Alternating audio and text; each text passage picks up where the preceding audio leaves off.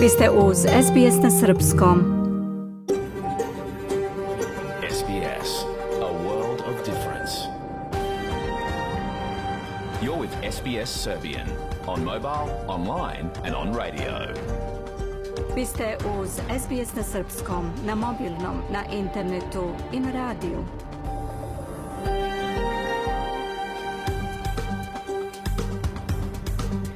SPS odaje priznanje tradicionalnim vlasnicima zemlje za koje danas emitujemo program na srpskom jeziku.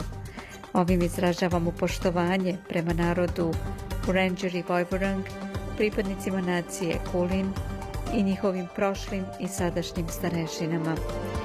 Također odajemo priznanje tradicionalnim vlasnicima zemlje iz svih aboriđinskih naroda i naroda sa ostrva iz Toresovog Moreuza, sa čije zemlje slušate naš program.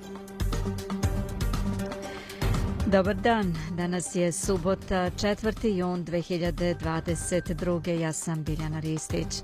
U današnjem programu posle pregleda vesti sledi opširni sportski izveštaj. Zatim sledi tema o hraniteljskim porodicama, kojih u Australiji nema dovoljno, a u nekim slučajima postoji potreba za ljudima određenog porekla i kulture.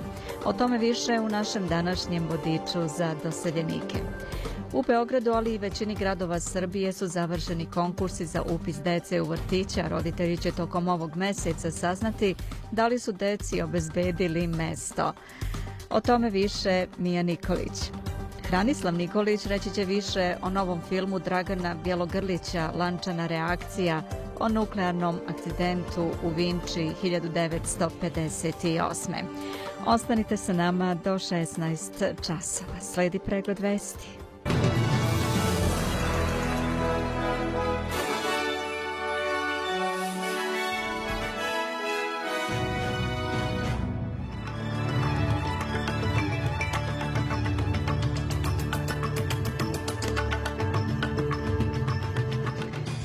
Ostrvo Aspen u jezeru Burley Griffin u Kamberio sada će biti poznato kao ostrvo kraljice Elizabete.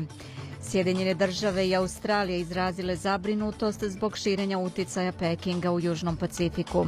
Rat u Ukrajini premašio 100 dana.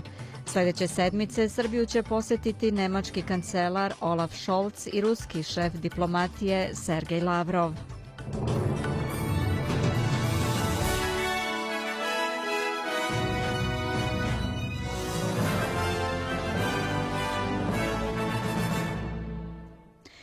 Kraljica Elizabeta se putem videolinka sastala sa australijancima godine za 2022. usred proslave njenog platinastog jubileja 70 godina na tronu Velike Britanije. Mladi australijanac godine Daniel Nur opisao ju je kao vrlo duhovitu i spremnu za razgovor. So it's been very interesting to hear about all the very important work. And it's been wonderful to have Bilo je veoma interesantno da čujemo o vašem vrlo važnom radu koji obavljate, rekla je kraljica. Zaista smo srećni da imamo ovakvu tehnologiju danas koja mi omogućava da razgovaram sa vama.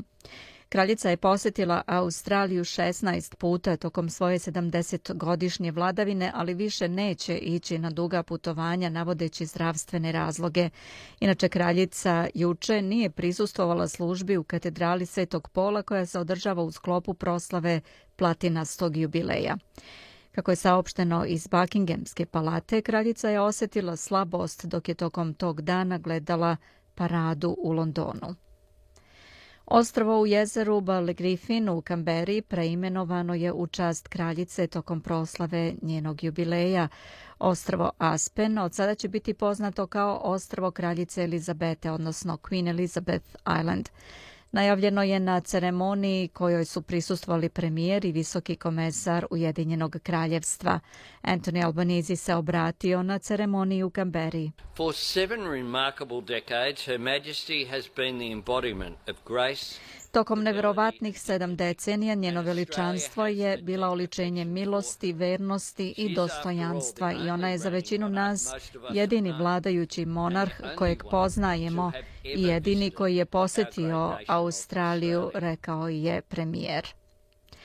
U zemlji rastuće cene energije vrše sve veći pritisak na troškove života građana. Premijer Anthony Albanese obratio se Komisiji za fair odnose na radnom mestu tražeći od nje da razmotri povećanje minimalne zarade u skladu sa inflacijom koja iznosi 5,1 od 100. To je inače jedno od ključnih predizbornih obećanja nove vlade koje treba da ispuni usred porasta cena struje i gasa uglavnom izazvanih sankcijama na ruski izvoz uglja i gasa. 30 elektrana na ugalj u Australiji također je van mreže zbog održavanja. Ever since the pandemic, uh, sort of gone up um, Gavin Chan je vlasnik restorana u Kamberi i on je rekao za SBS News da je COVID-19 opteretio njegov biznis, ne ostavljajući mu drugog izbora osim da poveća cene na meniju za 5 od 100. U vrlo oštrom izveštaju Australijske nacionalne revizorske kancelarije utvrđeno je da prethodna koalicijona vlada nije uspjela da pokaže da program bezgotovinske debitne kartice funkcioniše. U okviru ovog programa koji se naziva Cashless Debit Card Scheme, Sredstva primaoca socijalne pomoći stavljaju se na karticu koja im onemogućava da podignu gotovinu ili koriste novac za alkohol, drogu ili kockanje. Kritičari kažu da se ovakvim programom ciljaju starosedeoci Australije. Generalni revizor je utvrdio da Odeljenje za socijalne usluge koje vodi program nije pokazalo da ispunjava predviđene ciljeve. Nova laboristička vlada se obavezala da će ukinuti program. I want to work through all the options so that these communities um, really uh, Ministarka socijalnih usluga Manda Rishward kaže da će izvršiti sveobuhvatne konsultacije sa grupama u zajednici o tome kakav bi program trebao da bude na snazi u budućnosti. Glavni komesar Nezavisne komisije za borbu protiv korupcije u Novom Južnom Velsu, ICAC, kaže da su dezinformacije o zakonitosti korišćenja vladinih sredstava za projekte osmišljene da udovolje biračima ili zakonodavcima u cilju pridobijanja glasova, što je u slengu poznato i kao pork barreling, širili visoki političari za koje se čini da ne razumeju zakon.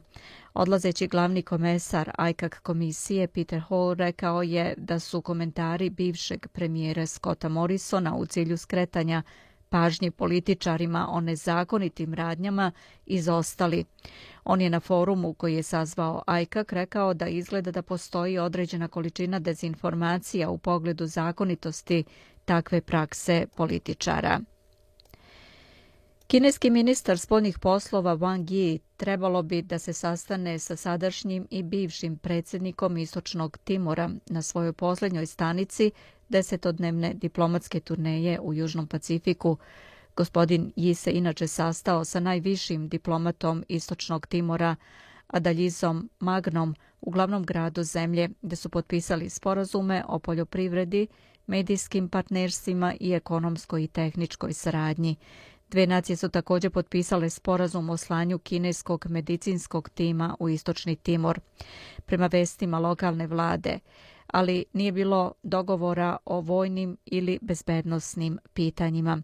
Sjedinjene države i Australija izrazile su zabrinutost zbog širenja uticaja Pekinga u Južnom Pacifiku u zemljama kao što su Solomonska ostrva, gde je ključni bezbednostni sporazum potpisan na početku turneje Bangija po osam zemalja Pacifika. U međuvremenu u Evropi Muzej moderne umetnosti u Češkoj je domaćin posebne instalacije povodom 33. godišnjice protesta na trgu Tiananmen Biće otkrivena statua Stub srama u znak sećanja na dan kada su kineski vojni zvaničnici razbili prodemokratske demonstracije na trgu Tiananmen u Pekingu 1989. Istovremeno u Hong Kongu kineske vlasti zabranjuju okupljanja u znak sećanja na taj događaj za koji kineska vlada smatra da se nikad nije desio. Jens Galšot je umetnik iz Češkog muzeja. This is to show, in a way, Hong Kong spirit.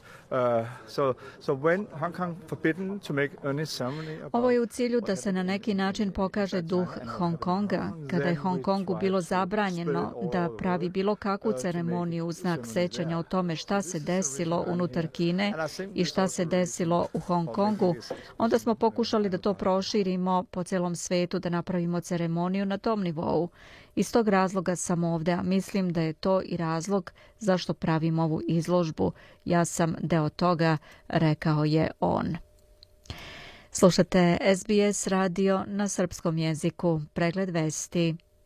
Rat u Ukrajini premašio je 100 dana, tokom kojih je svetska javnost gotovo svakodnevno gledala tragične prizore najgore oružanog konflikta na evropskom tlu u posljednjih nekoliko decenija. Niko ne zna koliko je boraca i civila zaista stradalo. Vladini zvaničnici, agencije Ujedinjenih nacija i drugi koji imaju težak zadatak da broje žrtve, nemaju uvek pristup mestima gde su ljudi ginuli. Moskva također nije objavila mnogo informacija o žrtvama u svojim i redovima svojih saveznika, nije objavila ni podatke o civilima u područjima pod njenom kontrolom. Ujedinjene nacije procenjuju da je 4000 ljudi poginulo, uključujući 242 dece, a 5000 je ranjeno. Agencija Ujedinjenih nacija za izbeglice UNHCR procenjuje da je oko 6,8 miliona ljudi u jednom trenutku pobeglo iz Ukrajine zbog konflikta. Međutim, otkako se smirila situacija u području blizu Kijeva i na drugim mestima, a ruske snage preraspoređene na istoku i jugu, oko 2,2 miliona se vratilo u zemlju, navodi UNHCR. Međunarodna organizacija za migracije Svetske organizacije procenjuje da je do 23. maja bilo više od 7,1 milion interno raseljenih ljudi. To je pad u odnosu na prethodnih 8 miliona. Zapad je uveo niz oštrih sankcija Moskvi, uključujući i u ključnim sektorima nafte i gasa, a Evropa je počela da preduzima mere da smanji zavisnost od ruskih energenata. Posljedice rata potresle su zemlje širom sveta. Cijene osnovnih prehrambenih proizvoda su dodatno porasle uz inflaciju koja je već rasla u mnogim mestima pre invazije. U naročito teškoj situaciji su zemlje u razvoju zbog većih cena hrane, goriva i zbog kredita. Portparolka Ruskog ministarstva spoljnih poslova Marija Zaharova izjavila je da će ministar spoljnih poslova Rusije Sergej Lavrov posjetiti Srbiju 6. i 7. juna i razgovarati sa predsjednikom Aleksandrom Vučićem. Marija Zaharova je na briefingu za novinare rekla da će Lavrov razgovarati i sa ministrom spoljnih poslova Srbije, predsjednikom Narodne skupštine i srpskim patrijarhom, prenosi Rija Novosti. Navela je da se očekuje da će teme razgovora biti bilateralna politika i ekonomska saradnja. Situacija u regionu Balkana također kao i aktuelna međunarodna pitanja. Nemački kancelar Olaf Scholz sljedeće nedelje je u dvodnevnoj poseti Zapadnom Balkanu, Grčkoj i Bugarskoj. Potvrđeno je u Berlinu. Glavne teme razgovora biće perspektiva članstva u Evropskoj uniji, doprinos Nemačke prevazilaženju bilateralnih blokada i rat u Ukrajini. Prve stanice na dvodnevnoj balkanskoj turneji Olafa Šolca 10. juna biće Beograd i Priština, prenosi Deutsche Welle. Kako je preneo port parol nemačkog kancelara Wolfgang Bichner, na Kosovu i Metohiji je između ostalog predviđena i poseta nemačkim trupama KFOR-a. Nakon toga Šolc odlazi u Solun na poziv grčkog premijera Kiriakosa Mitsi Takosisa, gde će se priključiti večeri sa predstavnicima zemalja regionalne inicijative procesa saradnje u jugoistočnoj Evropi. Sutradan 11. juna nemački kancelar odlazi u Severnu Makedoniju, a zatim i u Bugarsku. Zbog nečuvenog kršenja vladavine prava i verskih sloboda, Srpska pravoslavna crkva na Kosovu i Metohiji prekinula je kontakte sa vlastima u Prištini, objavljeno je na Twitter nalogu manastira Visoki Dečani. U objavi se ističe da otvorena etnička i verska diskriminacija prema Srpskoj pravoslavnoj crkvi nanosi štetu svim građanima.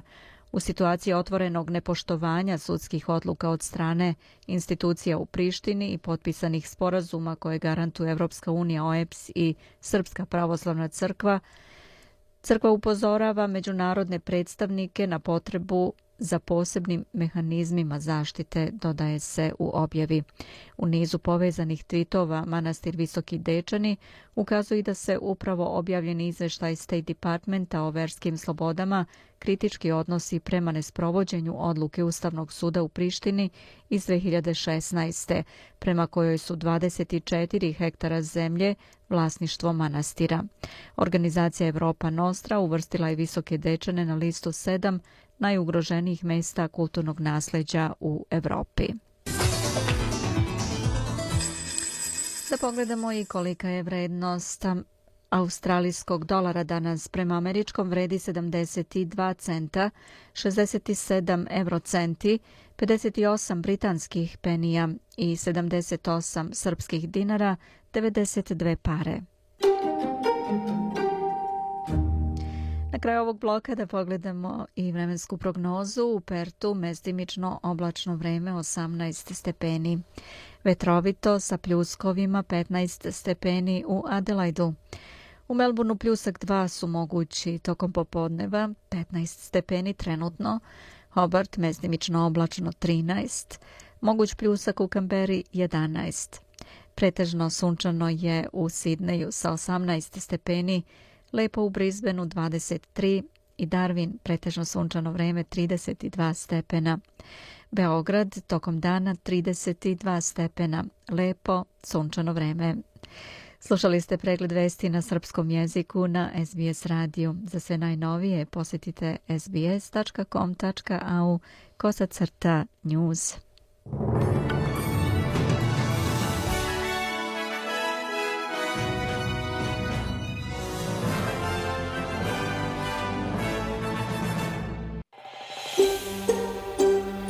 Želite da čujete još priča poput ove? Slušajte nas na Apple Podcast, Google Podcast, Spotify ili odakle god slušate podcast.